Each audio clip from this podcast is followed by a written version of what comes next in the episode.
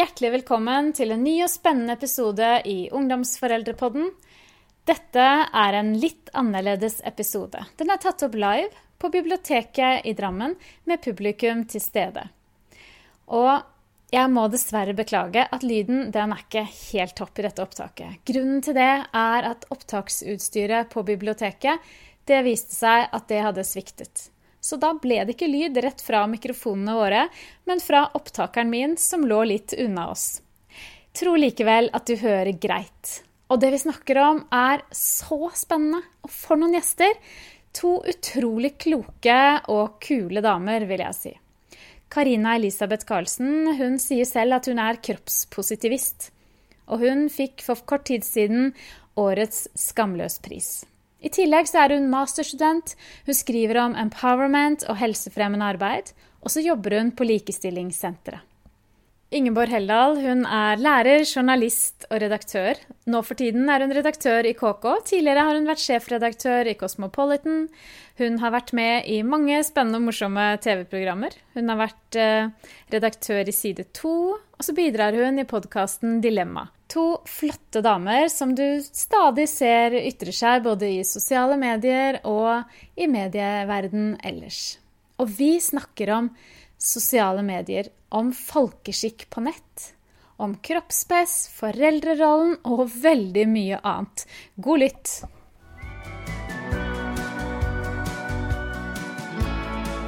Sett lenge, det kommer til å skje. Du blir voksen, og jeg veit ikke helt hvordan jeg takler det. For de greiene der er søren meg ikke for hvem som helst. Og med det så ønsker jeg hjertelig velkommen til Ungdomsforeldrepodkasten. Velkommen til dere, Ingeborg Heldal og Karina Elisabeth Karlsen. Tusen takk. Veldig hyggelig å ha dere med her i podkasten min. I dag så har vi podkast live fra biblioteket i Drammen. Ja. og det er eh, også i anledning verdensdagen for psykisk helse som er i dag. Karina, du vet at temaet for verdensdagen eh, i år det er raushet. Når jeg sier raushet, hva tenker du da? Oi, det er mange ting. Eh, Selvfølgelig, det her må være, være hyggelig og alt det, men det, kanskje når det kommer til det med mental helse, mest å være raus med seg sjøl og gi seg selv lov til å være den man er. tenker jeg ligger mye raushet i det. Og også å, å dele opplevelser, også dårlige, tror jeg er veldig, veldig viktig for å bli kvitt tabu. Ingeborg, velkommen til deg også. Tusen takk. Ja. Dette med raushet, eh, hva legger du i det? Utrolig fint eh, det Karina sa, da. Det å, å være raus mot seg sjøl og la deg selv få lov å være den du er, men også være raus mot eh, andre. La andre få lov å være den de er. La andre få lov å uh, gjøre feil. Uh, være jeg, tenker ofte på hvor viktig det er liksom, å være et, et bra medmenneske. Og så tar man egentlig det som en selvfølge og tenker at alle er jo det, men alle er ikke det. Og i hvert fall nå som det å være medmenneske setter spor på veldig mange andre arenaer enn i fysiske møter, men det også å tenke på hvordan du oppfører deg både når du møter folk, uh, sånn som vi sitter nå, men også hvordan du er på sosiale medier og Vær, vær, vær raus. Sett avtrykk i folks liv på, på en god måte. Mm.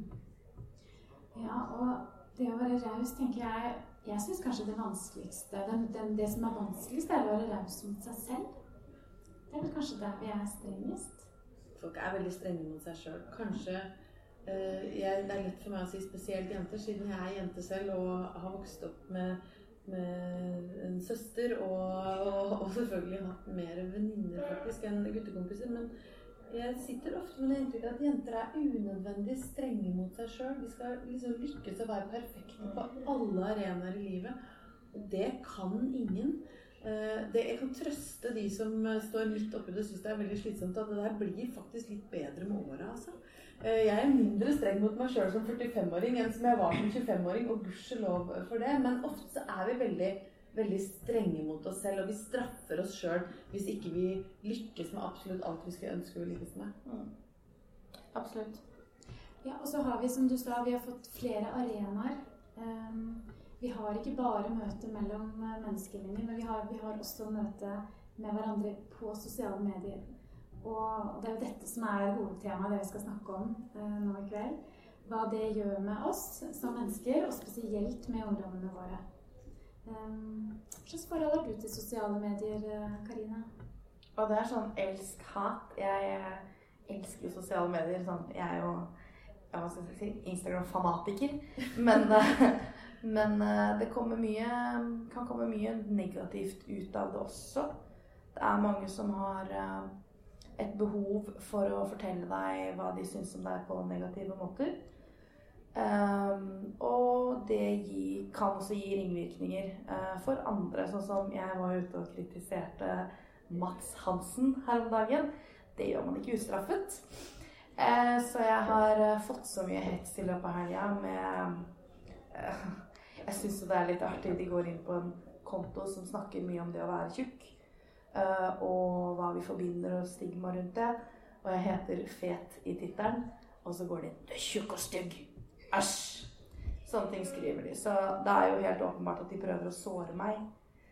Og ta meg tilbake på et, uh, ja, si, et stadie jeg var i tredje klasse, liksom. Det er hele ungdomsskolen om igjen. Og så kan jeg tåle det, for jeg er vant til det med tanke på den aktivismen jeg bedriver. Men jeg fikk mange meldinger fra andre som kunne fortelle at de det var så vondt. Og at de kjente på hvordan det var å være 14 og usikker. Og dette var damer på kanskje 50. Og sånn, herregud. Jeg fikk så flashbacks. Det her var vondt, liksom. Så jeg tror det er viktig det her med at mm, de som sitter og hetser, de treffer jo ikke bare meg. De treffer så mange andre. Så det der med folkeskikk på nett, der har vi mye. Vi har lang vei å gå. Ja, og det tenker jeg vi skal snakke litt om også etter hvert. Dette med at vi voksne er forbilder der. Men jeg har lyst til å holde litt tak i det du sa med at, uh, at du tåler det. Mm. Men, det, men, gjør det ikke noe med deg å lese, å lese disse kommentarene? Jo, selvfølgelig. Det er jo ikke hyggelig. Um, men jeg tenker dessverre, da, så er det Når man hører noe mange nok ganger, så blir man jo vant til det. nå har jeg slutta å tro på det. jeg gjorde jo det i min tid, og blei jo sjuk hadde jo spiseforstyrrelse og depresjon, og det var ganske heftig en periode. Sånn at det er jo ikke noe Altså, jeg kjenner jo på det. Men min bekymring ligger heller i hva dette gjør med andre som ser det. Jeg har fått langt verre ting. Jeg har fått drapstrusler, jeg har fått voldtektstrusler. Det er ganske mange som har mange meninger, og så vet jeg at dette her bunner ut fordi at jeg er tjukk. Det har ikke noe med meg altså Det er ikke personligheten min de går etter. Det er utseendet mitt de går etter. Og da tenker jeg at eh, hvem er det som eier dette problemet? Det er ikke meg. Så, ja. Så foregår vel mesteparten av dette på nett i sosiale medier, gjør det ikke det? Det er mye stengte profiler. Det er anonyme, stengte profiler. Og da tenker jeg litt sånn at dette her er bare feigt, altså. Ja, altså at man til, veldig mange tillater seg utrolig mye mer på sosiale medier enn det de ville gjort i virkeligheten. For det er de færreste som ville gått bort til deg og sagt noe tilsvarende. Ja, det skjer jo det òg. Um, men ja, ja, det skjer.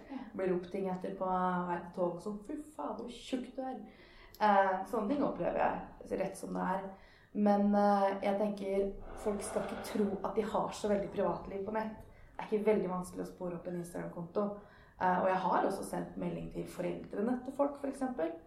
Um, og kanskje Jeg har også sendt mail til disse og forklart. Prøvd å ta en prat med dem, men det når veldig sjelden fram. da. Men du sier Karina, at du tåler det nå, men det har vel vært en prosess for deg også, vil jeg tro? Det var helt forferdelig. Ja, for det, det har, du har vel ikke tålt dette hele veien? har du? Nei, absolutt ikke. Um, og så kjenner jeg også uh, Det siste året så har jeg slitt mye med depresjon. Sånn at når jeg er ute og ytrer meg i offentligheten, så må jeg unngå å lese kommentarfelt. Jeg må lære meg hvordan jeg skal skjerme meg sjøl, rett og slett. Uh, så på dårlige dager så tåler jeg det ikke. Men når jeg begynte å blogge, så fikk jeg jo også veldig mye, og det var veldig vondt. Og jeg blei jo mye sjukere av det. Så jeg måtte ta et oppgjør med hva er det jeg vil, hvorfor vil jeg det, og hva er det som er bra for meg. Mm det koster litt å si hva man mener, å stå for noe. Og å være en offentlig person som du er, og som du også eh, er Ingeborg Ja, Ja, Du og har det også vært er mye i media. Tenker, har, du- har du opplevd tilsvarende? Jeg har nok ikke hatt det like tøft som, eh, tøft som Karina. Kanskje fordi jeg er eldre enn deg eh, også. eh, og, og da blir man jo litt eh, rundere i kantene. Jeg er litt mer erfaren med hvordan jeg skal ytre meg. Veit akkurat eh, hvor grensene går. Og orker ikke alltid å tråkke ut i det. Så der du sier at du er aktivist, så er kanskje jeg mer en, eh, en kommentator. Ja.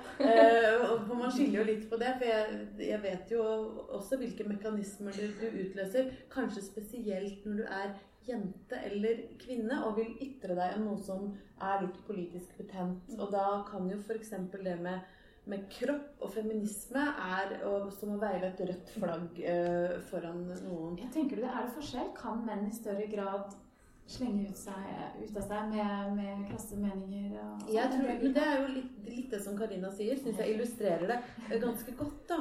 Eh, og jeg mener jo at, det er plass til både eh, Karina, Ulrikke Falk og Mats Hansen i den debatten. Mhm. Det syns jeg er forfriskende. Jeg leste begge kronikkene med stor interesse og tenker at det her er det Jeg forstår eh, Det er et poeng her og et, et poeng der. Forskjellen er at Mats Hansen dyrkes som en helt.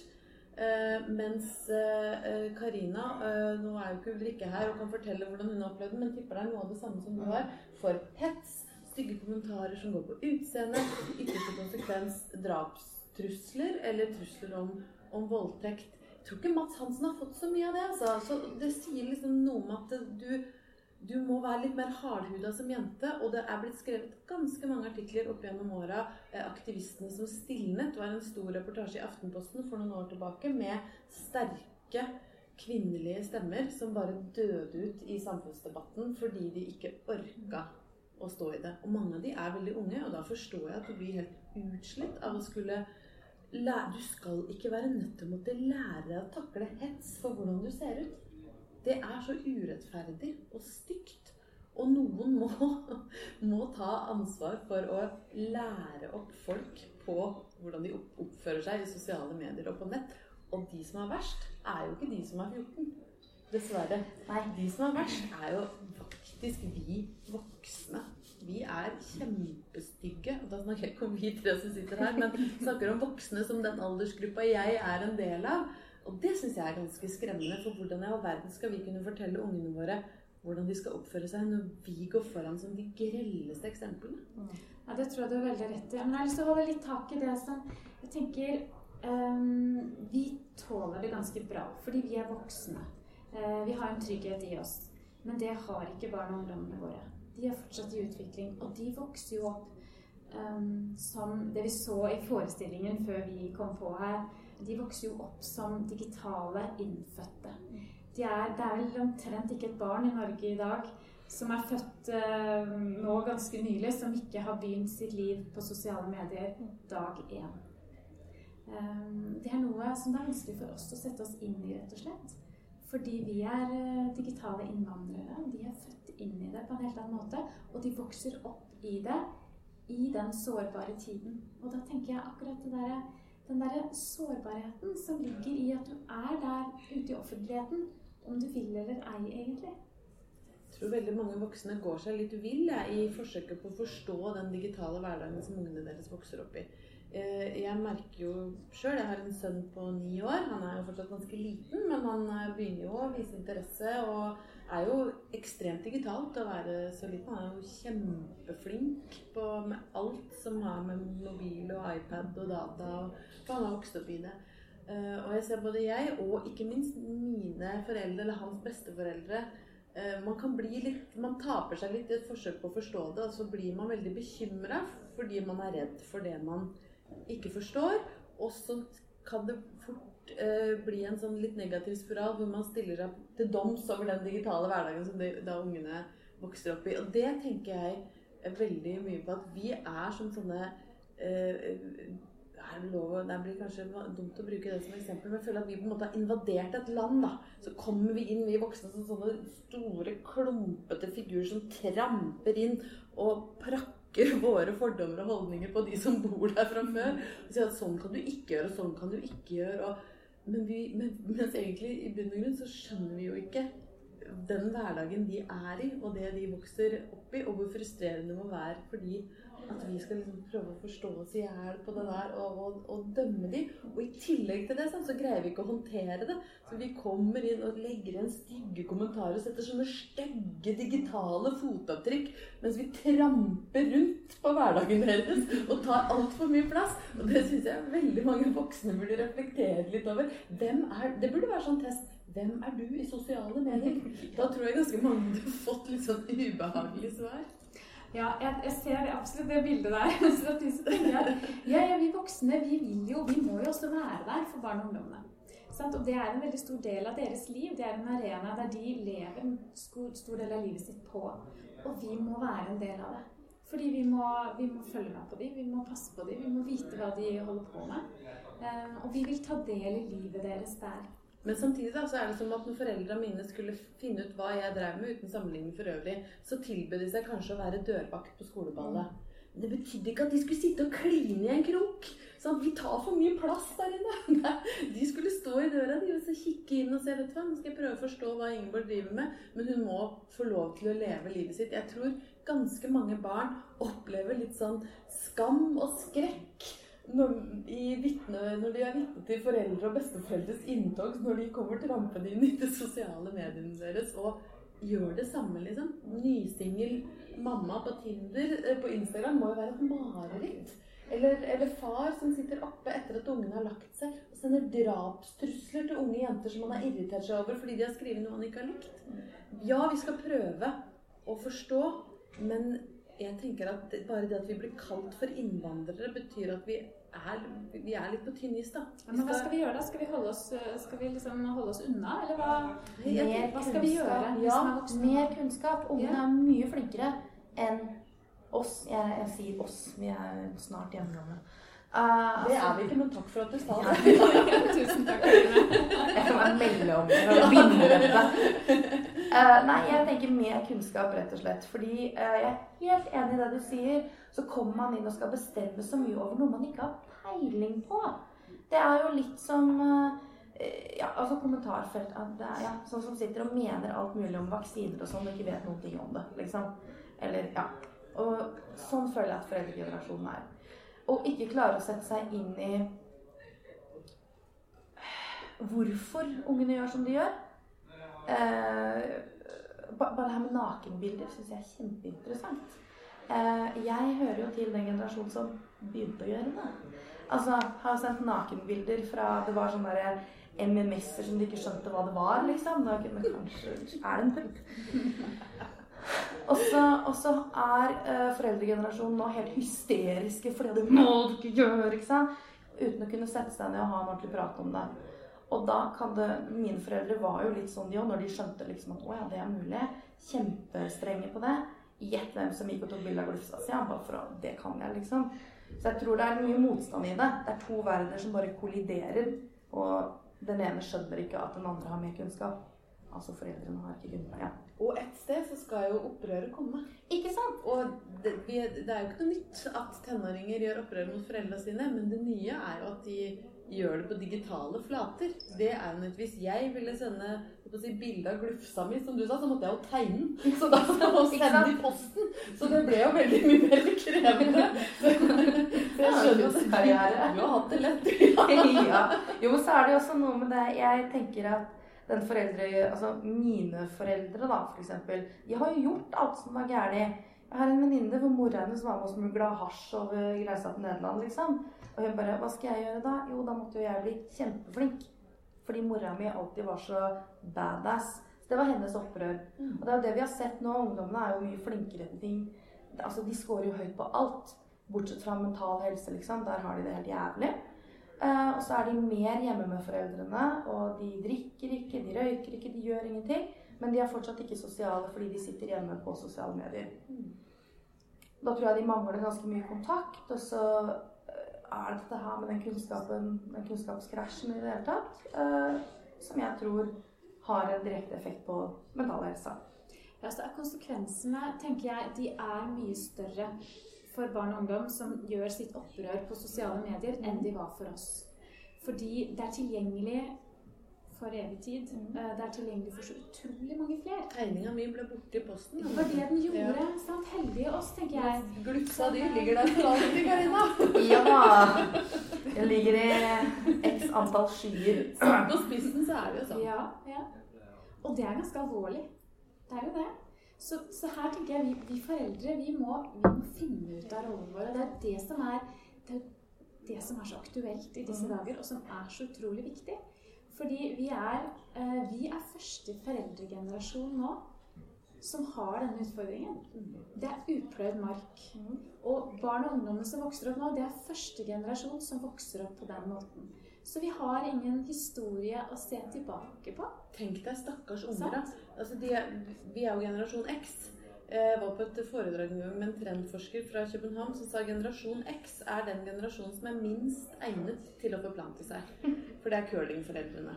Så er, ikke er det, bare, det er det ene. Vi, er, vi, er da, vi, vi, vi soper vei for ungene våre. I tillegg så driver vi da med og eksperimenterer på dem i en digital hverdag vi ikke forstår. Det er jo ikke rart de sliter. Men jeg tror også uh, at man Det er lett for meg å si som ikke har barn, men uh, at man som foreldre også må prøve å ikke gå inn med et sånn negativt utgangspunkt. Fordi det er det jeg hører hver gang noen sier noe, ytrer seg om sosiale medier, så er det hvor forferdelig det er. Eh, hvor, eh, hvor mye skade man tar. Så tenker jeg man må også se alle de positive sidene med det, og kanskje skaffe seg et litt mer sånn nyansert syn, rett og slett. Ja, og så må vi kanskje bruke andre arenaer. Eh, Vi må kanskje snakke med ungdommene våre utenom sosiale medier. Vi må, vi må, for jeg, jeg mener jo veldig sterkt, og det har jeg hatt en artikkel på Aftenposten, dette med at vi må ikke være så redde, vi voksne, for å være litt moraliserende. For å være voksne voksne, rett og slett. Eh, For det trenger de. Men der trenger de samtaler med oss utenom de sosiale mediene. Jeg tror det er så riktig og viktig det du sier der. Nå skal jeg være liksom voksen og moraliserende, da, men jeg tror ofte jeg også opplever i debatter eller samtaler hvor man skal prøve å forstå disse millennialsene eller denne digitale generasjonen, at, vi, at, at man gir dem for mye ansvar. Legger det er jo velmenende, selvfølgelig, men ja, vi skal høre på hva de har å si. Men, men hvis noen hadde sagt til meg når jeg var 14 år Vet du hva, Ingeborg? Du kan gjøre akkurat hva du vil, for du er et fantastisk menneske som skal få lov til å styre ditt eget liv. Så hadde jeg tatt en endeløs rekke av elendige valg. Eh, og det kan være godt ment det å si at eh, du skal få være et fritt menneske og gjøre det du har lyst til, men det er egentlig ingen eh, barn eller unge som har godt av det, og jeg tror de færreste egentlig har lyst til det. Jeg tror det er ganske deilig å kunne lene seg på en moraliserende mor eller far noen ganger når man står eh, og er utrolig usikker og kanskje opplever gruppepress eller jeg, jeg tenker at det kan være ganske deilig å si vet du hva, det kan ikke jeg være med på fordi mutter'n klikker. Og så vet man ikke om hun gjør det, men det er digg å ha noen å skylde på. Det å ha en streng mamma for meg hadde det en enorm verdi i oppveksten. Og jeg blir veldig sånn Applaus fra salen! Ja. Og der gikk rett hjem! Men Hvis ikke så hadde jeg jo gjort forferdelig, eh, forferdelig mye eh, dumme ting. Og jeg kjenner at nå er sønnen min bare ni, men jeg gleder meg litt jeg, til å bli den strenge mora som han skal få lov til. Og, og når han står på den brua og alle skal hoppe for å bruke et forslitt bilde, så skal han få lov å si 'jeg kan ikke gjøre det, for mamma klikker på meg'. Jeg vil være henne. Mm. For det gir trygghet. Det gir rammer, eh, og gir trygge rammer, og heller tåle å være drittkjerring. Jeg får helt fnatt når jeg hører om foreldre som er sånn Skolen må på banen, eh, slik at uh, russeungdommene ikke reiser til IOS og slåss. Så blir det sånn, Først så er det sommerferie, eh, så skolen trenger vel at de ikke Nei. på banen. Og hva skjedde med at mor sier, og far sier Vet du hva, jenta mi, du skal ikke til IOS i sommer og på russetur, faktisk. Fordi det syns ikke vi du er moden nok til. Det er det rektor som skal ta. Ja, det, og det er så tullete å si. Altså, Ja, ja. Som foreldre klart du skal si nei. Du skal si nei masse. Jeg krangla med mora mi non stop i fem år. Jeg elsker henne for det. At hun gadd å stå i det. At hun gadd å være upopulær. Du trenger ikke være bestevenn med ungene dine. vet du. Men der har jeg et spørsmål, fordi igjen, jeg har jo åpenbart ikke barn. Men jeg kan godt kjefte på deg òg. Ja, men det er greit. Du, jeg har en mor som vifter med pekefingeren. Hadde hun visst alt jeg driver med, så jeg er jo arveløs. Uh, men jeg har inntrykk av at foreldre eh, er veldig mye borte fra barna. De er på SFO, og så kommer de hjem, og så er de hjemme et par timer før de må legge seg. ikke sant? Og da er det middag, det er stress og alt sånt. Så jeg tenker Min teori, igjen jeg har barn, er at det er for liten tid å kjefte på. At den tiden man faktisk har sammen, skal man hygge seg. Og da er det viktig å prøve å backe de opp. Ikke sant? Så kan, er det noe som har forsvunnet der. Jeg tror, jeg tror, du er inne på noe ganske vesentlig for mange. At, man, at vi er mindre sammen som familie. Uh, Utviklinga har jo vært helt enorm bare siden jeg ble født på 70-tallet eh, og mamma var hjemme.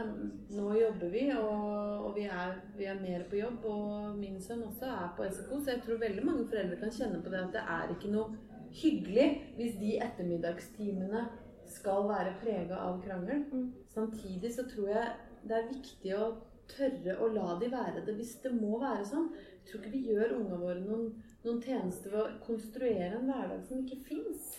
Eh, og det er mye kjærlighet i en god krangel. ass. Det er mye kjærlighet i kjipe nei. Fordi jeg tenker på min egen mor som ga meg så mye motstand. Det hadde jo vært mye lettere for henne og latt meg reise på jentetur til Sunny Beach i Bulgaria, som jeg tenkte var en kjempegod idé. Eller eh, latt meg få lov å gjøre som jeg ville, for da hadde jo jeg fortalt alle at mammaen min er bare hun er den råeste i hele verden. Men det var mye kjærlighet i alle de smelte dørene hvor hun sikkert gråt på andre sida fordi jeg var så kjip. Men, men hun elska meg liksom høyt nok til å ta den dritten fordi hun visste at jeg kom bedre ut.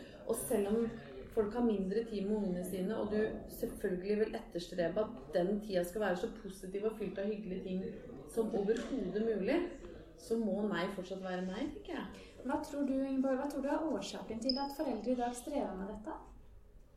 Jeg tror det handler en del om at de sliter med å forstå den hverdagen ungene vokser opp i. Uh, og jeg, jeg, tenker litt på um, den uh, filmrollen til Pia Tjelta i 'Blindsone'. Nå er det ikke sikkert at alle har sett den, men det handler om å være mamma til et, et psykisk sykt barn. Og illustrerer veldig godt den der kampen om å nå fram til noe du ikke forstår. For vi hadde det jo så bra. Jeg tror som foreldre det derre å oppleve at du at du liksom mister kontrollen og ikke klarer å skjønne hva ungen din driver med, og hva ungen din står i, det tror jeg kan være helt enormt frustrerende. Mm. Ja, jeg tror du er inne på noe veldig viktig der, for jeg tror det handler litt om det. Nettopp det at vi er innvandrere. Vi har ikke veldig mye av det som barn og ungdommene våre nå Mye av livet de lever der på sosiale medier, det kjenner vi ikke. Ehm, det var lettere for foreldregenerasjonen før oss. Fordi de hadde vært 15, og de hadde også smelt i dører, og de hadde gjort mange, mye av det samme. Da verden så litt likere ut for de enn det den gjør nå. Mm. Uh, og det, det, er absolutt med på å skape usikkerhet hos foreldre, tror jeg. Og det er jo rart å tenke på at der hvor jeg smelte døra i ansiktet på mora mi, så vil en tilsvarende sanksjon være å blokkere mor på Instagram. Mm, ikke sant? Du smeller igjen sosiale mediedøra og hindrer innsyn i, innsyn i livet så tror jeg heldigvis at det fortsatt er en del tenåringer som smeller igjen dørene. Jeg håper det. Ja, det, det, tenker jeg også. Det heier jeg litt på. Fordi vi har en ungdomsgenerasjon som er veldig snille og veldig flinke. Mm. Um, og det, det, er mye bra med det, altså. Uh, de er, de er ambisiøse, de er opptatt av skole. Det er veldig mye bra med det, tenker jeg. Men så, så er det det med å håndtere da, mm. denne hverdagen som er ny som er ny for oss alle. Så er det mye vi har fokus på nå som vi ikke snakka om før òg. Og det har jeg sånn tenkt på noen ganger når jeg leser veldig sånn, sånne dystre undersøkelser om at eh, var det seks av ti eh, jenter på videregående ønsker å endre noe ved sin egen kropp. Kanskje. Ni av ti, ja. Det er enda høyere. Eh, og, og, og, det er alarmerende og veldig trist å lese. Men samtidig så, så tror jeg akkurat i den alderen hvis f.eks. de hadde gjort den tilsvarende undersøkelsen jeg begynte på videregående da, i 1989 på Lillehammer, så ville du fått omtrent den samme svarprosenten. Eh, fordi i, når du er jente 16 år, så er det utrolig mye ved din egen kropp og ditt eget utseende du er usikker på. Og kroppspress er jo ikke noe nytt. Vi, vi opplevde jo også kroppspress i ganske stor grad på 80-tallet. Det som er nytt, er jo at du blir utsatt for det fra alle kanter i mye større grad, og at du belønnes i mye større grad for å oppfylle et visst ideal. For vi hadde jo ikke, vi hadde jo ikke det som en tommel opp eller et hjerte eh, på den måten, men vi var fortsatt veldig usikre. Hvis noen hadde gitt meg en bankkonto eller en eller annen klinikk som ikke fantes på den tida, åpna dørene og sagt hei, hei, vi har et nydelig førsteklassetilbud til deg. Vi har hørt noen rykter om at du syns du har litt små pupper og litt smale lepper. Skal få 50% Og jeg hadde hatt penger, så hadde jeg sikkert gjort det. Uh, heldigvis for meg så var det uh, svært utilgjengelig og svært unormalt den gangen. Det er det ikke i dag. Og når du har gjort det, så får du i tillegg applaus fra gjort Ja. Det jeg tror er forskjellen, for det husker jeg jo fra, fra egen ungdomstid også Nå begynte jo blogg å komme når jeg var 16. Men før det så var det liksom det nye em, som var greia. Uh, disse jentebladene. Forskjellen er at nå sammenligner man seg jo ikke lenger med den beste jenta i klassen, men de peneste jentene i hele verden. Uh, I tillegg så tror jeg at det var lettere å være litt outsider når du først var i klassen, for da var man klikker, ikke sant? Mens nå prøver alle å bli like. Så har man disse kroppstrendene som jo er helt, de er helt ville. Eh, for et par år siden så var det en sånn kroppstrend hvor du ikke skulle være breiere enn et stående A4-ark. Og da ryker de fleste av oss på en smell. Eh, det var det, og så er det sånne waist challenges og lepper. High gap. Man skal liksom Gud, for ja. ikke snakke om thigh gap. eh, bikini bridge. Det er mange sånne Hva er bikini bridge? Det er når du ligger, så skal hoftebeina stikke opp, så det er en bru der. Akkurat. Disse ordene her må jeg innrømme at jeg ikke, ikke kjenner til engang. Bikini bridge, ja. Jeg hadde ikke Ja, sett på den stund, skjønte jeg. Nei, jeg pleier å tulle med at jeg har jo absolutt en bridge, den er bare litt annen veien. Um, er Karina, du kaller deg jo for kroppspositivist. mm, Hva, legger, hva legger du i det? Å ha en psykisk god helse direkte knytta til eget selvbilde, rett og slett. Ja. Og det handler jo ikke bare om at jeg skal være fornøyd med kroppen min og ta eierskap over den, men at jeg ikke skal være så veldig interessert i hvordan alle andre ser ut òg. Um, og det der med å ta eierskap, det mener jeg er en rett vi alle har, men nesten ingen benytter seg av. Uh, og så er det kvinnekroppen er jo offentlig, f.eks. Alle har jo en mening om den. Og vi måles jo etter hvor mange som har lyst til å ligge med oss. Det er jo helt forferdelig, men sånn er jo vi voksne også. Er vi har det jo fra et sted. Jeg pynter meg jo for at noen skal synes at jeg kanskje er fin, selv om det jo er mest for meg, tenker jeg. Um, jo, og så er det noe med at når man først faller til ro da, med at min kropp ser ut som den gjør, så har jeg merka på meg sjøl at jeg er ikke så innmari interessert i å se på siste artikkel om rumpa til to Damli heller. Da min interesse for andres kropper forsvinner fordi jeg har det bra med meg sjøl. Jeg synes også en, en annen ting som jeg har ikke irritert meg over, da, men, men skrevet litt om, er jo det at, at kropp blir også ofte synes jeg, sånn malplassert knytta opp mot likestilling. Uh, og det, Hvilken måte? Nei, for det var, de, det var jo en trend for ja, er det, er det et år siden eller noe, hvor, uh, hvor eh, jenter plutselig skulle drive og gjøre alt mulig husarbeid og forfallende arbeid i bar overkropp. Fordi det kunne menn. Og da skulle jenter også gjøre det i bar overkropp. Og det var da i likestillingens navn. Eh, parentes, også for å komme på toppen av blogglistens navn, mente jeg da. Men, Ja. men også skrev jeg en kommentar hvor, hvor en, en ganske humoristisk og vennlig kommentar, egentlig. Ikke, den utløste ikke noe ras av hat mot meg, men, men hvor jeg stilte liksom spørsmålstegn hvor kommer dette fra, og hvem, hvem er det som blir mer likestilt av at halvparten av Norges bloggsfære driver og vasker opp hjemme i bar kasse? Og tar bilder av Og det. tar bilder av Det det? er der, jeg tenker det er der det ligger. Ja. Og tar bilde av det og får likes og får bekreftelse. Og hjemme hos oss er vi så gammeldags at selv mannen min gjør ting med klær på. Også på overkroppen, liksom. Så jeg følte meg helt sånn utdatert. Men, men det, det altså, synes jeg er sånn Altså, kropp invaderer oss på Mm. absolutt alle arenaer. Og, og det er alltid naken eller halvnaken kvinnekropp som skal Uansett om det skal være på en måte i likestillingens navn, så er det alltid kvinnekroppen, og den er alltid lettkledd.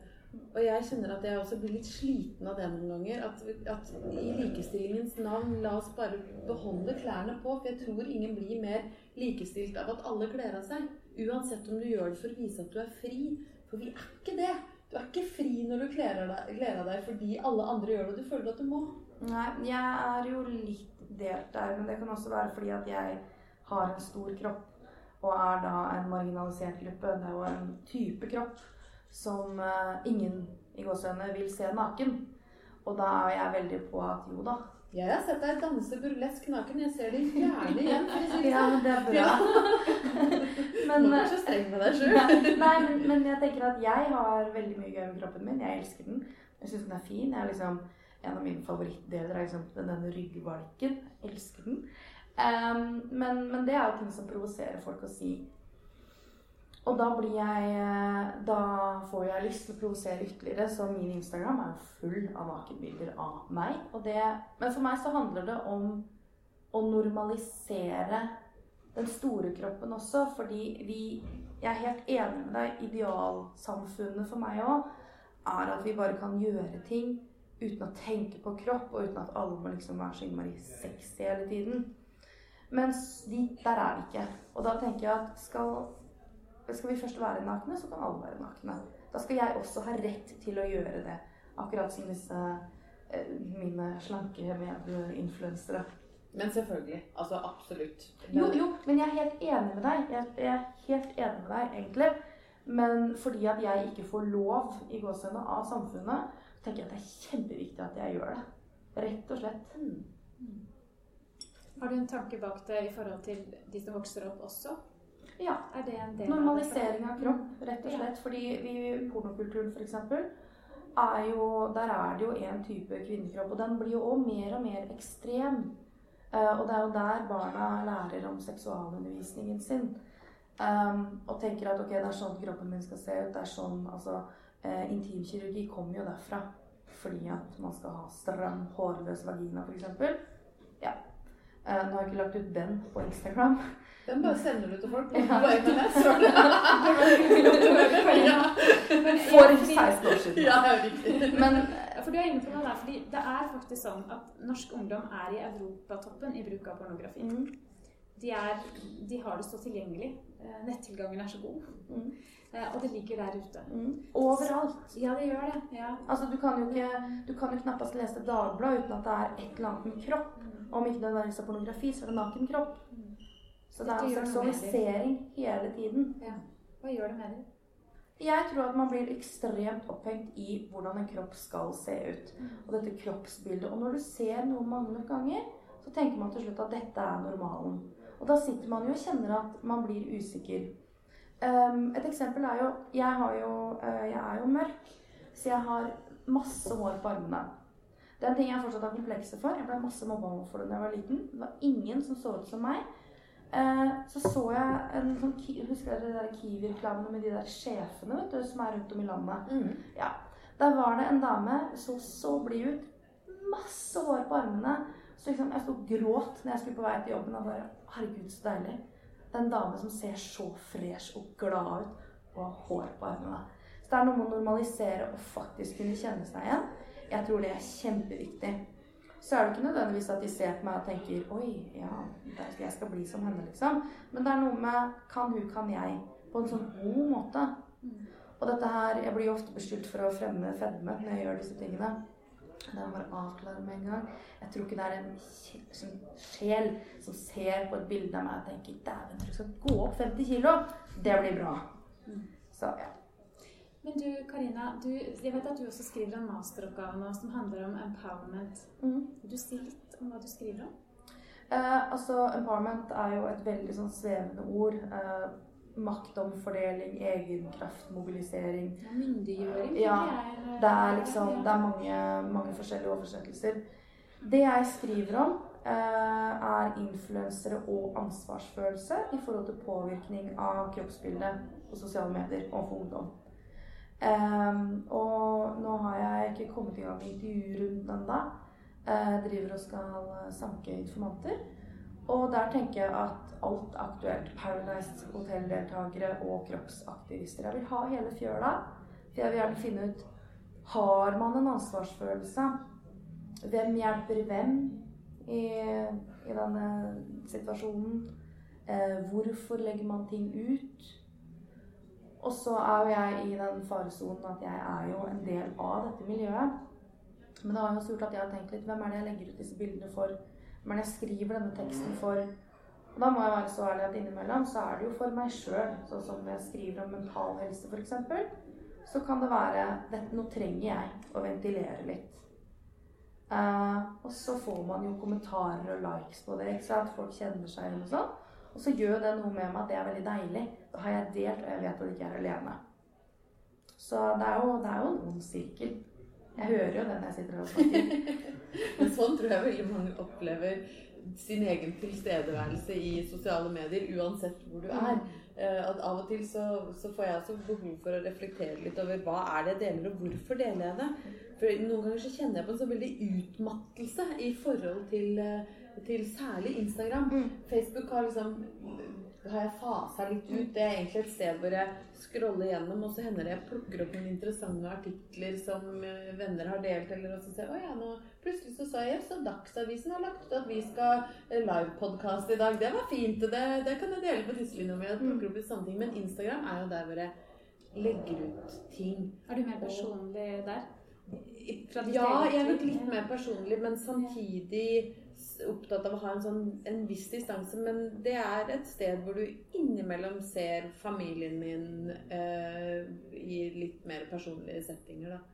Men der også så tar jeg meg sjøl noen ganger i å, å stresse litt med at gud, nå har jeg ikke lagt ut noe på kjempelenge. Må jeg legge ut noe nå?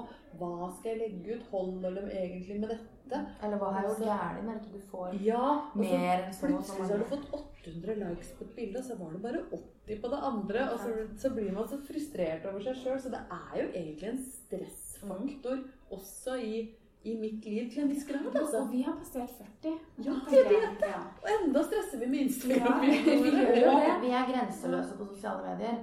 Mm. Jeg sitter og tenker på det hele tida. Vi som da er voksne, vi blir så grenseløse fordi vi ikke er kjent med dette her. Og det er jo noe med at det sender jo også signaler at vi trenger ikke ha noen grenser. Og da blir det jo enda mer stress, fordi at eh, hva skal jeg si, jo mer grenseløs du er, jo flere likes får du. Jo eh, kulere og jo spenstigere er du. Jo mer spektakulært livet ditt virker, Mm. jo flere likes får du selvfølgelig. Ja. Også hvis du er passert 40. Så jo mer personlig man er, er mitt inntrykk. Eh, så det at vi har begynt å trakte etter likes, det er jo, det er jo noe helt nytt fenomen, egentlig. Mm. Det er jo det. Og Det er en annen form for anerkjennelse, men Nei, ja. Men i gamle dager, når jeg vokste opp, så var jo anerkjennelsen i form av at folk skrev f.eks. hyggelige hilsener i pusordagboka di. Mm. Nå er det bare satt mer i system, men vi higer jo alltid etter Mm. eh, anerkjennelse. Den vi kanskje jakter mest etter, er vel det, det vi snakka litt om i stad. Det å, å klare å være raus mot seg sjøl. En, eh, en personlig anerkjennelse, men den er kanskje lettere å oppnå hvis du hele tida blir fortalt av andre at du er bra, da. Ja, jeg føler jo at den blir glemt i det hele. At uh, vi er egentlig ikke rause mot oss sjøl. At man nesten er rausere mot andre Mm. for at de skal være rause mot deg. Og så glemmer man seg sjøl oppi det hele at man må ta vare på egen helse også, da. Men samtidig så, så har jeg også tenkt en del på i det siste at de tilbakemeldingene jeg får i sosiale medier, er nesten utelukkende helt ubrukelige. Eh, og det er liksom fint å, å reflektere litt over. Fordi det er, på ene sida så får jeg hjerter, eller blomster, eller sommerfugler, eller eh, søta, pena, eh, sånn type Fina. ting. Fina. Og, og på andre sida så får jeg eh, litt sånn Brenn i helvete, du er en hore. Hvis man har drista seg til å være litt politisk. Mm. Og så er det selvfølgelig veldig mye hyggeligere å bli kalt pena enn hore. Men jeg får egentlig ikke bru ikke noe dette er noe konstruktivt for meg. Sant? På den ene sida så har du en sånn uh, heiagjeng, eller sånn ekkokammer av heiing, Mm, som er helt ubrukelig. Ja. På den andre sida så har du et sånn mørkt hjørne av internett med en, en, en håndfull mennesker som sitter og spyr ut agg. Men det er null konstruktivt i det. Nei. Jeg vil heller være pena enn hore, men ikke noe av det gjør meg til noe rikere menneske. Nei, ikke sant. Det blir ingen god diskusjon av det. Nei. Det er veldig sjelden at Du lærer ingenting, konstruktivt. verken om deg selv eller andre. Nei, vi gjør ikke det. Men jeg tenker barn og ungdom gjør kanskje det. Eller tenker at de gjør det. Og de, eh, de bygger jo identitet i større grad enn det vi gjør. For vi er litt ferdig med det. Tenker at vi mennesker gjør vel det egentlig hele livet, men i mye mindre grad. Mm. Eh, Og de bygger jo identitet på denne arenaen. Mm. I denne verden. Mm. Mm. Eh, og da betyr kanskje Eller de gjør det. Mm. Kommentarer, antall likes. Det betyr så utrolig mye mer for dem. Mm. Mm. Jeg hører om folk som sletter bildene sine hvis ikke de får nok likes. Um, søstra, jeg har en søster på 16, og hun eh, fortalte meg Jeg lasta ned en sånn der body shaper-app for jeg skulle se hva det var. Og hun bare Ja, men det gjør alle jentene i klassen min. Legger ut De tar med um, klare bakgrunner, Sånn at de kan forme og shape og større pupper og i det hele tatt hvert bidige bilde som de da legger ut på Instagram. Snapchat er liksom der det er sånn indre sone Mm. hvor man får se Det er der du får se Så jeg kan være stygg også. Men når det gjelder Instagram, så er det liksom Der skal det være top notch.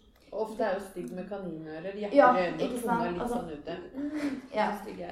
Det, jeg syns det er fryktelig skummelt at man um, For det første at dette er en teknologi som jeg Det er der jeg kjenner at jeg begynner å bli voksen av. Trodde liksom var for eh, profesjonelle grafikere. Men det er noe tolvåringen kan liksom gjøre på. Så er det gjort. Har det egentlig blitt sånn at vi er i ferd med å bygge to identiteter? Det har vi vi gjort lenge. bygger oss én identitet i virkeligheten, Mm. og så har vi én identitet der ute. Mm. Eh, Tror jeg absolutt. Mm. Og det tror jeg mange voksne gjør også. Ja. Eh, At sosiale medier har hjulpet oss til å eh, konstruere en virkelighet vi skulle ønske fantes. Eh, For det vil jo si at en, en jente fra Brøttum, der hvor jeg vokste opp, kan eh, sitte på, på jenterommet sitt og være, være stjerne, ikke bare i sitt eget liv, men også i noen andres, og få Mm. lov til å skape seg et, eh, et univers der. Så, så sånn sett så kan du si at sosiale medier er jo på en måte drømmenes arena. Men det er veldig skummelt å tenke på at spriket kanskje for mange blir for stort mellom den personen du ønsker å være, og den personen du faktisk er.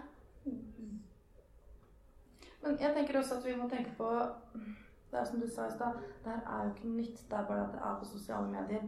Hvor er det dette problemet kommer fra, egentlig?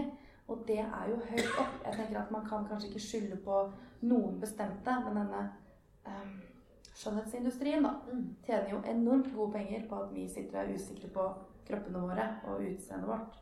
Og jeg tror vel også de er med og pusher disse grensene og skaper nye idealkropper, f.eks. Det er jo ikke veldig lenge siden eh, Altså, vi hadde én type idealkropp. Eh, si For ti år siden så var liksom Britney Spears som var sånn vi ville se ut. Eh, og så må For ti år siden da var hun skalla og slo inn vinduet på en paraply. Du, skal, nei, oh, ja. du må lenger tilbake. Okay, hun hadde sin mental breakdown i 2000 år. Ok, da er det Ja, jeg engasjement. Men, men, Men når jeg, vi tar jeg den slangen, tulle det bort. Ja, nei, da, det Ja. er Mens nå er det Kim Kardashian vi vil se ut som. Mm. Og på 90-tallet, eh, når jeg begynte på videregående, så ville vi se ut som eh, Kate Moss. Mm. eh, Som jo revolusjonerte eh, moteindustrien på den tida. Fra, fra Cindy Crawford på, og Anna Nicole Smith på store Hennes og Maurits-poster. Mm. Det var jo våre influensere. Ja. eh, Hvor folk kjørte av veien oppover i draktene mine fordi det plutselig hang plakater med Cindy Det Crawford. også har et kjempegodt poeng. Altså der når Uh, ja, Cindy Crawford og Anna Nicole Smith liksom satt i undertøy på sånne juleposter det var, Folk kjørte jo faktisk av veien. Mm. I dag så ser vi nakne kropper overalt. Så utrolig fort den utviklingen har gått. Ingen kjører av veien lenger. Du ser det overalt. Ja, Det er riktig. Nei, Nå kjører vi av veien fordi vi sjekker mobilen. ikke sant? For å se nakne kroppene. Så det, det er vel en utfordring uansett. Men, men eh, ja, det har altså Mulighetene for å sammenligne seg har De har alltid vært der. Jeg tror vi alltid har gjort det, vi mennesker, men det har bare skrudd seg til ganske mange Mm. Ja. Og så har vi plutselig fått idealer som altså, Når jeg var yngre, så var jo sånn som Kate Moss var jo sånn som hun var. Det var jo Cindy Crawford også, og Anna Nicole Smith. Som jo, og de tre var ganske, tre ganske forskjellige eh, Uh, forskjellige typer. En var, Cindy Crawford er kanskje den mest klassiske supermodellen vi noen gang har hatt. Det er ikke veldig mange som er velsigna med det utseendet. Anna Nicole Smith var litt mer sånn rufsete og, og white trashy med, med, med store, sexy lepper og, og mye pupper og rumpe og, og var tenker Det var liksom sånn datidens Marilyn. Og så kom Kate Moss med sin eh, tynne, gutteaktige kropp og revolusjonerte industrien på mange måter. Eh, og, så kom, og så var jo det ting vi ønska å, å oppnå, men ikke kunne. Men i dag så opererer jo veldig mange seg for å se ut som Kim Kardashian. Det var et alternativ som ikke fantes. Og det tenker jeg det er lov å rette en pekefinger mot en skjønnhetsindustri som håver inn vanvittige summer på folks usikkerhet og har dørene på vidt gap. Og jeg blir jo ganske rysta når jeg, når jeg leser at de går ut med eh, kampanjer retta spesielt f.eks. mot russ. For det er da Riktignok så må du være fylt 18, men hvor voksen er du da er du til å skulle ta en sånn avgjørelse? Jeg, det syns jeg er faktisk eh, ekstremt betenkelig. Og det er så uetisk. Det er veldig uetisk. Det er, De retter en, eh, rett og slett en pekepinn, eh, pekepinn til eh, pekefinger? Er det det Ja, til skjønnhetsindustrien? ja, en liten pekefinger mot de som kapitaliserer så Ja. voldsomt på, på folks usikkerhet. Og en, en annen ting da, for når jeg fikk, beskjed om at jeg, eller jeg ble spurt om å være med her, så begynte jeg sånn å tenke på liksom, min egen usikkerhet rundt min egen kropp. Nå er jeg 45, og nå har jeg liksom, at du har brukt over halve livet mitt på å mislike hvordan kropp jeg har. er ikke det trist? Jeg er så trist. Og så ser jeg på bilder av meg sjøl da jeg var 16, så får jeg lyst til å grine for at jeg ikke bare worked it og, og hadde så dårlig sjøltillit. Eh, Og, jeg, og jeg, hadde jo, jeg hadde jo veldig veldig små pupper, var jo veldig flatbrysta. Og jeg var jo overbevist om at den første kjæresten min gjorde slutt pga. det. For neste kjæresten hans hadde store pupper. Så hadde noen tilbudt meg å ta silikon, så hadde jeg gjort det. Min Jeg gjorde det. det slutt fordi jeg var tjukk, da. Han sa det òg. Rasshøl. Ja. Og så ville jeg rette opp tennene mine. Mm. Altså, for jeg, hadde, jeg var så misfornøyd med smilet mitt, for jeg syntes jeg var så stygt at den ene tanna lå litt bak. Og så syntes jeg også at leppene mine var Jeg hadde liksom eh, ikke fin nok munn. Og det som er litt sånn rart og litt trist og fint for meg, men trist for alle de som ikke klarer å se det store bildet, er at de tre tinga, det er de tinga jeg er mest glad i med meg sjøl nå. Mm. Det er så digg å ha små pupper når du er 45, for de henger ikke. Jeg kan gå med sånn V-utring ned til navlen og være 45 år. Det er liksom winning! Jeg er så glad for å rulle. Men tenk om jeg hadde rota med det. Og, og jeg er så glad i smilet mitt, og jeg er så glad jeg ikke fikk sånne der rette Hollywood-tenner Mm. med sånn hvit paternering på. At jeg fortsatt har et smil som er bare mitt eget, som ikke er noen andre sitt. Mm. Men det klarte ikke jeg å se den gangen. Og det gjør meg litt trist når jeg ser de jentene på 20 som har tatt 1, 2, 3, 10 operasjoner for å ligne på noen andre når problemet egentlig sitter i huet. Ja, for det er det, man må gjerne gjøre endringer med egen kropp. For jeg tenker at Det er ikke det som er problemet, men det er hvorfor du gjør det. Gjør du det for deg sjøl, eller gjør du det for alle andre? Mm. Hvis man gjør det for seg sjøl, vær så god. Du vet at du blir et lykkeligere menneske. Men gjør du det når du er 18? Det er det jeg lurer på. Nei, ikke sant? Er du, er du, Er du da i stand til å ta den avgjørelsen? Nei, det at, tenker jeg ikke man er. Da trenger man noen voksne, noen kloke voksne ved siden av seg som kan eh, Som kan fortelle deg at du er fin sånn ja. som du er. akkurat det. Ja. er fin med den skeive tanna di. Da må vi også være fornøyd med den vi er. Nettopp. Det tenker jeg er et poeng. Fordi hvis vi som er voksne, vi som er foreldre nå, ikke er fornøyd med oss selv, da er det ikke så troverdig å si til, eh, til jentene våre at eh, men du er fin nok som du er. Og det, så det begynner jo med oss. Vi må jo begynne med å like oss selv hvis, hvis barna våre skal, skal lære Og det er et stort stigma i Norge. Aldring. Mm. Altså, man, det er ikke det vi skal snakke om i dag, men det kan vi gjøre i en annen podkast Eh, Men i. Norge er det ikke lov å eldes på en naturlig måte. Eller i verden er det ikke lov å eldes. Fordi vi ser jo fortsatt eh, skuespillere fra Hollywood så ja, men Jennifer Aniston er 56, ja. Så blir man jo helt matt. For de ser jo fortsatt ut som det er 23. Ja, Det er, du skal ikke få rynker, du skal ikke få grått hår eller saggete hud. eh, Så det er jo da, det er en kamp jeg kjenner at jeg har tenkt å ta, da. Mm. Jeg har tenkt å snakke om en gang, eldes Ingeborg. med en slags form jeg bare Vil du si noe, Karina? Ja, jeg vil. Ja. En ting er jo det her med at ikke slanke seg foran barna sine. Ikke sitte og spise noe annet når resten av familien koser seg med fredagspizzaen liksom, eller tacoen, og du sitter og bare pirker i salaten f.eks. Det sender signaler. Eh, men jeg tenker, nå har vi snakka så innmari mye om hva som er negativt med sosiale medier. Jeg mener jo at det er masse positivt også. Fordi det er så mange som er lei av det her jaget som blir sånne små motmakter som viser eh, hvordan altså, naturlige kropper eh, som snakker om psykisk helse, eh, som oppfordrer til å ta kontakt med f.eks. Spiseforstyrrelsesforeningen. Eh, og jo flere sånne motmakter det blir, så blir jo dette en gruppe. Det er som med feminismen, og det er liksom med homobevegelsen også. Det blir en gruppe. Og når det blir en gruppe, så får de makt, og da kan de faktisk utrette ting. Og jeg tror vi er på vei dit. Jeg ser jo, det, jeg holder mye foredrag for ungdom, og jeg hører så mange som bare Og det driter vi i, liksom. De har bare blitt en sånn gjeng som syns det er kult å ha ja, hår på tissen og under arma og ikke gidder å kjøpe det siste nye sånn kleshengermerket-ting. Altså som gjør motstand, da. Og vi må liksom Vi må ikke glemme at det er positive ting. Og jeg tror vi er ved et skifte. Jeg tror det kommer. Det er rebeller i sosiale medier, og Ja. det, det er godt å høre. Fordi det er noe nytt å gjøre opprør mot nå. Og så skal man heller ikke glemme at det faktisk går an å følge mange kontoer som er ordentlig, ordentlig morsomme på sosiale medier. Rett og slett. Det, det er masse humor, varme, kjærlighet, inspirasjon også i, i sosiale medier. Så tenker jeg vi må, vi må gå vår vei nå. Vi, vi, har, vi er i starten egentlig av, av den nye tiden, egentlig, med digitale, det digitale så som en del av livet vårt. Og når våre barn blir voksne, så har de noe å se tilbake på. De har kanskje lært noe av sin oppvekst.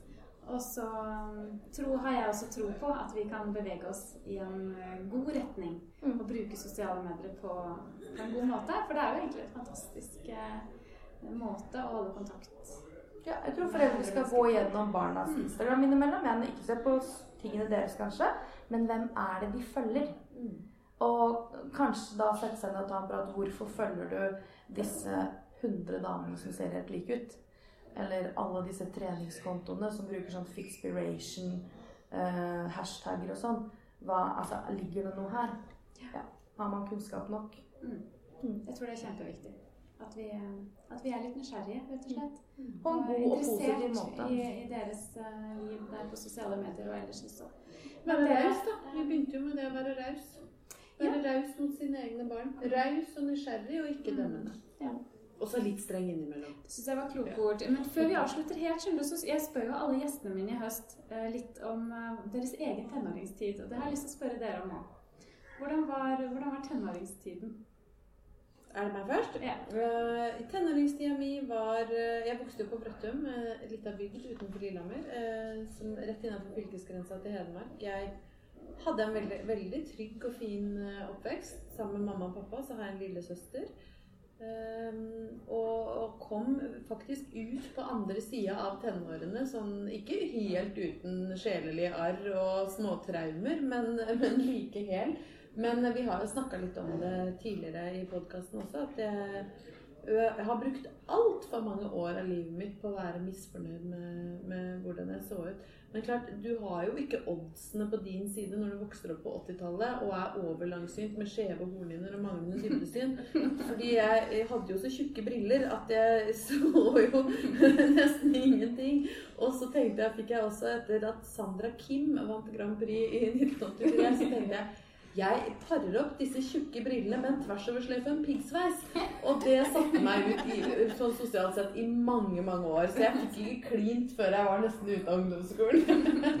Men det ble mange gode historier av det, og jeg kom ut like helt på, på andre, andre sida. Men jeg skulle virkelig ønske at jeg hadde klart å, å se meg selv litt utenfra og klart å senke, senke skuldrene. Men dessverre så tror jeg det er vanskelig for de fleste tenåringer. å men alt i alt altså en, en fin oppvekst på Brøttum med piggsveis. Og jeg håper Ingeborg, at de ungdommene som kanskje sitter og hører på dette, at de tar til seg det som du sa om eh, lepper og tenner, og at det er noe av det du er mest eh, glad for nå. De må, tenke, de må Ja, hold, hold på den. De tingene som du syns er skavanker i dag, det er de som gjør deg unik og vakker seinere. Så ikke, ikke ta bort det. Eh, Nei, det det, da ligner du på alle andre. Du må ta vare på det som eh, gjør deg unik. Karina, hvordan var tenårene for deg? Eh, tenårene for meg, eh, det var vel i tenårene jeg skjønte at jeg var tjukk. Og at det ikke var noe Det var ikke bra. Eh, så jeg ble mye mobba for det. Eh, når jeg ser tilbake på bilder nå, så jeg var jo ikke tjukk. Jeg var vel det som tilsvarer 40-42, liksom. Eh, så ja. Jeg isolerte meg veldig mye. Eh, jeg har fantastiske foreldre som alltid har vært der for meg, men jeg utvikla en spiseforstyrrelse. Og var alltid, Jeg var flink på skolen, jeg skaffa meg jobb. Jeg var griserøkter. Jeg kom fra Odalen, liksom. Så Åh, det er det koseligste jeg har hørt, Karina. det er den fineste jobben jeg har hatt. Men, men ikke sant, stall og grisehuset, det ble sånne fristeder for meg. Men eh, jeg utvikla en spiseforstyrrelse. Lurte foreldrene mine. Ehm, de trodde jo at jeg spiste maten. Og, men jeg har alltid vært eh, grov. Sånn at jeg gikk jo ikke noe særlig ned. Så det var ingen som visste at jeg liksom bak meg har 15 år med bulimi. Um, og prøvde å ta livet av meg et par ganger. Og det var ganske, var ganske heftig. Så ja, jeg, jeg husker liksom tilbake på de årene som helt jævlige. Og når da blogg kom inn, så husker jeg at jeg saumfarte etter liksom, hva er gærent med meg. Det er veldig rart, men det var liksom instinktivt det jeg gikk etter. Jeg googla hvordan jeg skulle le korrekt, f.eks. Helt, var helt syk. Eh, hvordan jeg skulle bli akseptert og godtatt. Um, så det var ikke før jeg ble sånn 5-26 og, og begynte med, med, dans, liksom. Sånn jo, burlesk dans som er litt på kanten. Oppfordrer ikke å sende ungdommene på burleskkurs.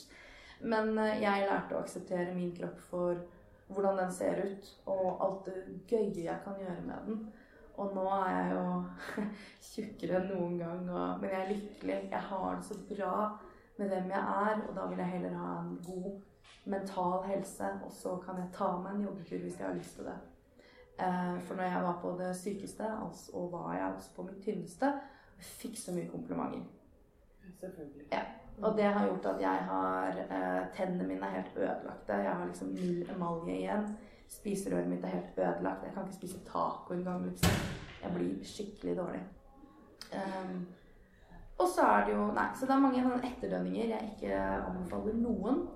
Og da vil jeg heller sitte her og fronte mental helse. Jeg håper mange, riktig mange hører på dette. Og uh, hvis de sitter og sliter og tenker på hvor mange du er et godt forbilde for. Takk. Jeg, jo, nei, men jeg blir skikkelig rørt og, og, stolt når jeg hører deg snakke. Altså, du er, du er helt fantastisk. Jeg hører at piggsveisen og tversoversløyfa bleikner her. Så alt du har Jeg elsker at du gjorde det. Hvem 16-åring er det som gjør det, liksom? Der jeg hadde villet så være venn med deg. Jeg ville vært vennen din. Jeg ville vært den første griserøkteren i Norge med rosa tversover. Tusen takk skal dere ha for at dere deler så mye av dere selv. Takk for at du fikk komme. Takk for engasjementet deres. Det har vært Gøy. veldig veldig spennende å snakke med dere. Ja. Mm. Så med det så sier vi takk for oss her i Drammen. Mm. Takk. Vær røyk. Husk at du er fin som du er. Ja.